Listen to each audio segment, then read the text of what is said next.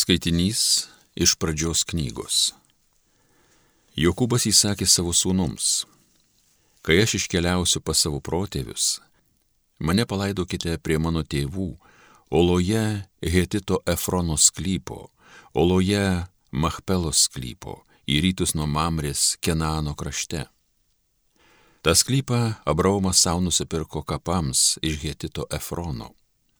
Tenai palaidotas Abraomas su savo žmona Sara, tenai palaidotas Izaokas su savo žmona Rebeka, ir ten aš palaidojau Lėją. Tas klypas su Ola buvo pirktas iš Hetitų. Davęs sūnums paskutinį nurodymą, Jokūbas vėl susikėlė kojas ant gulto. Tada jis mirė ir iškeliavo pas protėvius. Tėvui mirus Jozapo broliai ėmė nuogastauti. Jie sakė, kad tik nepradėtų Juozapas priešiškai su mumis elgtis ir atsimokėti už visą blogą, ką jam padarėme. Todėl jie siuntė pas Juozapą žmogų pranešti. Tavo tėvas prieš mirtį štai ką jis sakė. Jūs šitaip kalbėsite Juozapui. Nagi atleisk savo broliams jų nusikaltimą, jų nuodėmę, blogį, kurį tau padarė. Nagi atleisk savo tėvo Dievo tarnams jų piktadarybę Išgirdęs jų pranešimą, Juozapas pravirko. Tada jo broliai patys nuėjo pas jį parpuolį prieš jį ant žemės ir sakė, štai mes tavo vergai. Bet Juozapas jiems atsakė, jūs nebijokite, argi aš vietoje Dievo? Jūs buvote su mane man piktą, bet Dievas galvojo tada apie gerą, kad įvyktų kaip šiandien yra. Kad gyva išsaugotų didelę tautą. Todėl jūs dabar nebijokite aš rūpinsiuosi jumis ir jūsų vaikais. Taip jis juos guodė ir draugiškai kalbino. Jozapas liko gyventi Egipte, jis pats ir jo tėvo namiškiai. Jozapas sulaukė 110 metų. Jis matė provaikius iš Efraimo. Taip pat ir Manaso sūnaus Machino vaikai gimė ant Juozapo kelių. Tuomet Juozapas broliams kalbėjo, aš mirsiu, Bet Dievas jūs aplankys ir išves iš šitos šalies į kraštą, kurį prisiekdamas buvo pažadėjęs Abraomui, Izaokui ir Jokūbui. Ir Juozapas prisaigdino Izraelio sūnus. Kai Dievas jūs aplankys, pasimkite iš čia mano kaulus. Juozapas mirė, sulaukęs 110 metų. Tai Dievo žodis.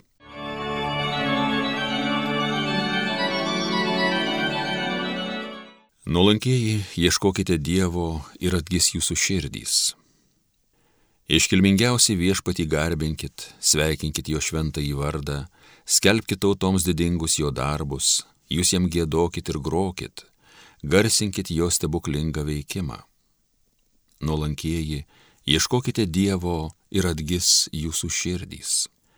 Jums leista šventųjų vardu vis didžiuotis, lai džiaugiasi širdys, kurios viešpaties ilgis. Žvelkite į viešpatį, į jo galybę, jo šventą veidą išvysti vis trokškit. Nuolankieji, ieškokite Dievo ir atgis jūsų širdys. Jūs jo tarnai, Abraomo inyje, jūs jo rinktiniai Jokūbo vaikaičiai. Dievas mums yra patsai viešpats, visą pasaulį valdo jo galingasis žodis. Nuolankieji, ieškokite Dievo ir atgis jūsų širdys. Alleluja, alleluja, alleluja. Jei jūs niekina dėl Jėzaus vardo, jūs palaiminti, nes Dievo dvasia ilsisi ant jūsų.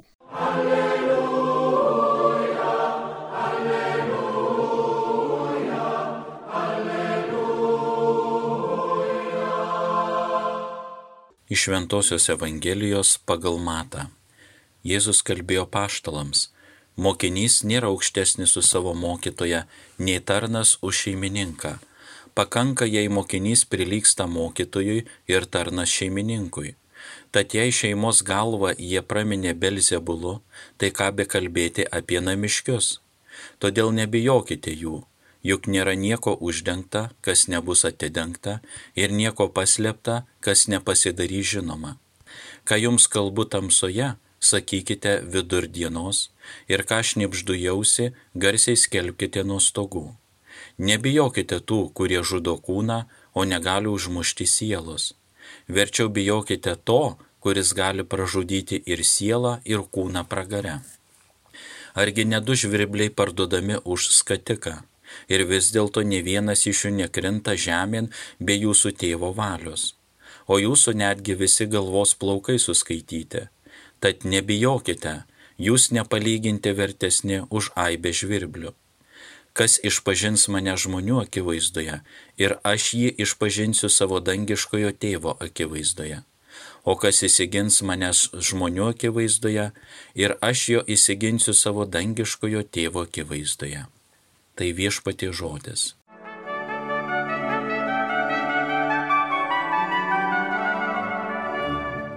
Mėly Marijos radio klausytojai, šios dienos Mato Evangelijos ištrauka kalba apie mokinystę. Tai tarsi raudonos siūlas pagrindinė šios ištraukos tema. Šita kalba yra skirta apaštalams, nes to paties Mato dešimtos skyriaus pradžioje skaitome. Šituos dvylika Jėzus įsiuntė duodamas jiems nurodymų. Taigi Jėzus pasišaukia paštalus ir duoda jiems nurodymus. Todėl visas mato dešimtas skyrius yra nurodymai apaštalams, kuriuos pasišaukė ir kuriuos ne tik pasišaukė bei duoda nurodymus, bet pasišaukė ir prieš siūsdamas į misijas duoda nurodymus. Tai čia yra iš to nurodymų dalies. Ir tie, kurie klausosi šitos Evangelijos, yra tie, kurie yra pašaukti gauti Jėzaus nurodymus misijai gyvendinti, būti pasiuste. Tai skirta kiekvienam pakrikštytam, kuris yra šaukiamas būti Jėzaus sėkėjų ir mokiniu, gauti jo nurodymus, tęsti ir vykdyti patikėtą misiją. Pažvelkime į keletą šios dienos Evangelijos eilučių, ką jos kalba. Jėzus sako, Juk nėra nieko uždengta, kas nebus atidengta, ir nieko paslėpta, kas nepasidarys žinoma. Kas yra uždengta, apie ką Jėzus kalba. Šitoj mato Evangelijos vietų Jėzus kalba apie Dievo karalystės slėpinį. Juk Dievas yra slėpinys. Kas jis yra, koks jis yra, kokia yra jo širdis, kokia yra jo meilė, ką jis masto apie sukurtą į žmogų. Mes nežinome tol, kol Dievas savo sunuje šitos lėpinio, savo širdies ir minties lėpinio mums nepreiškė bei netidengė. Tai yra jo karalystės lėpinys. O Dievo karalystė nėra teritorija, nėra rūmai, bet ji yra santykių tikrovė ir Dievo karalystėje visų santykių centre yra Dievas. Kai tariama maldoje, te teinie tavo karalystė, tai iš tiesų prašome, Dieve, tu būk visų santykių centre, tu būk pats aukščiausias, pats svarbiausias ir viskas sprendžiantis.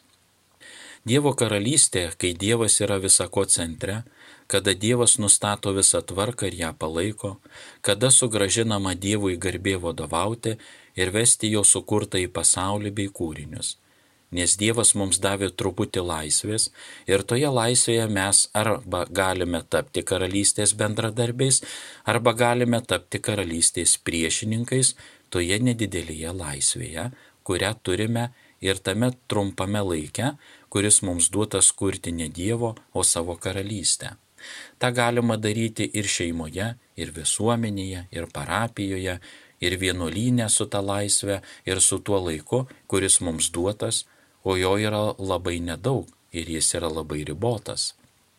Bet vis tiek centre galime pastatyti save ir kurti savo karalystę.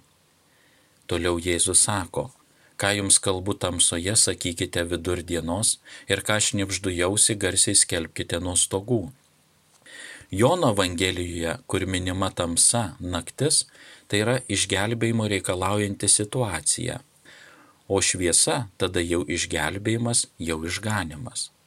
Mato Evangelijoje šita tamsa yra vidinė tamsa, privatumo tamsa. Tai privatus Jėzaus mokymas apaštalams.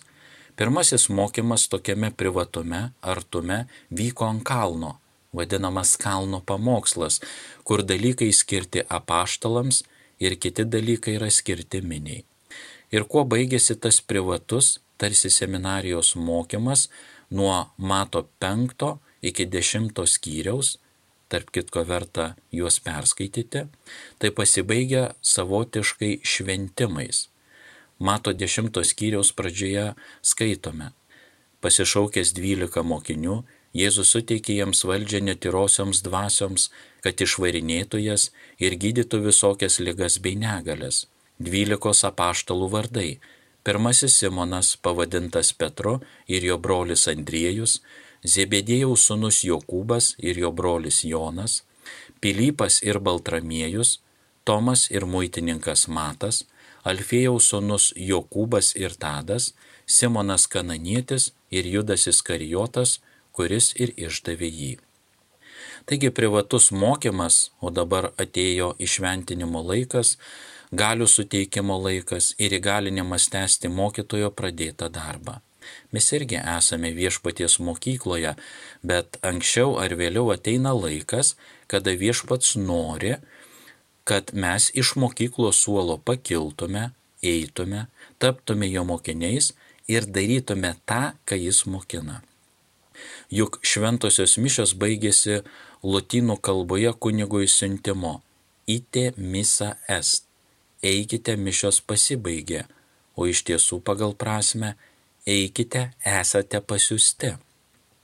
Tai, kas čia įvyko, tai, ką čia išgirdote, tai, ką čia patyrėte, Dievo artumą, Dievo gailestingumą jo sakramentuose, gydanti Dievą, mokanti ir nušviečianti mūsų kelius, jo žodį, Jūs dabar eikite ir prateskite po mišių savo aplinkoje. Jūs toliau būkite Euharistija ir jūs toliau būkite Dievo gelbstintis darbas. Dabar laikas eiti į viešumą ir viešuma sutapatinama su šviesa.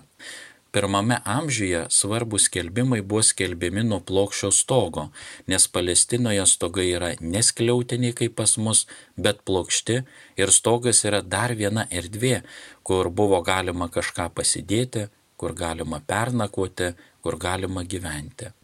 Taigi tas plokščias stogas yra puikia vieta užlipus visiems esantiems ant kitų stogų ir gatvėse skelbti kažkokią svarbę žinę. Mūsų sakyklos bažnyčiose tarsi užlipimas ant plokščio stogo ir skelbimas Dievo žinios, kai nebuvo mikrofono. Taigi Jėzus sako, kad ši misija turės būti be baimės skelbiama, vieša ir intensyvi. Pagalvokime, ką jums kalbu tamsoje, sakykite vidurdienos, o kur vyksta pasiruošimas spektakliui, vadinamuose užkuliusiuose, tam tikroje tamsoje o tada išeinama vaidinti spektaklį į seno šviesą. Tu jau esi šviesoje ir niekur nepasislėpsi, niekur nedingsi. Lygiai taip pat yra su sporto treniruotėmis ir po to vyksta varžybos. Kai stebime sporto varžybas, tai stebime jau rezultatą, bet mes nematome to, kas vyksta treniruočių metu, kur tos treniruotės vyksta, kokias pastangas sportininkai turi įdėti. Taigi yra lygiai taip pat tam tikras mokymas, kurį gauname intimioje artumoje su viešpačiu, su jo žodžiu, su jo pamokymais ir paskui tada einame į viešumą, į viešumos šviesą. Šiandien bažnyčios kalendoriuje minimas šventasis Bonaventūras, vyskupas ir bažnyčios mokytojas, taip pat filosofas holastikas, teologas ir pranciškonas, kuris gyveno XIII amžiuje. Su šventu Tomu Akviniečiu laikomas vienu žymiausių visų laikų teologų. Štai vienas epizodas iš jo gyvenimo. Brolis Bonaventūras sugebėjo įtikinti vieną iš naiviausių ir stačiokiškiausių šventojo pranciškaus bičiulių, vieną pirmųjų jo sėkėjų brolį Gidijo. Kai pasakojama pranciškonų prisiminimuose, šventasis Bonaventūras nuvyko jo aplankyti, o brolis Egidijus, buvęs valstietis, jį pasitiko iš karto ketindamas pasiginčyti. Mokytojau, jums Dievas suteikė didelių proto dovanų, o kaip įsigelbėti mums, neragavusiems mokslo ir neturintiems geros galvos? Tada Bonaventūras atsakė, Jeigu Dievas žmogui duoda tik vienintelę malonę jį mylėti, tai to ir pakanka. tačiau Egidijus netlyžo. Ar beraštis gali mylėti Dievą lygiai taip pat, kaip ir įsimokslinės? Brolis Bonaventūras patikino Egidijų, kokią nors senučiukį ji gali mylėti net labiau už teologijos profesorių. Taigi, mėly broliai seseris, bet kuris žmogus įtikėjęs Jėzų Kristų gali nuoširdžiai mylėti Dievą ir skelbti nuostabius jo darbus paprastoje kasdienybėje. Amen.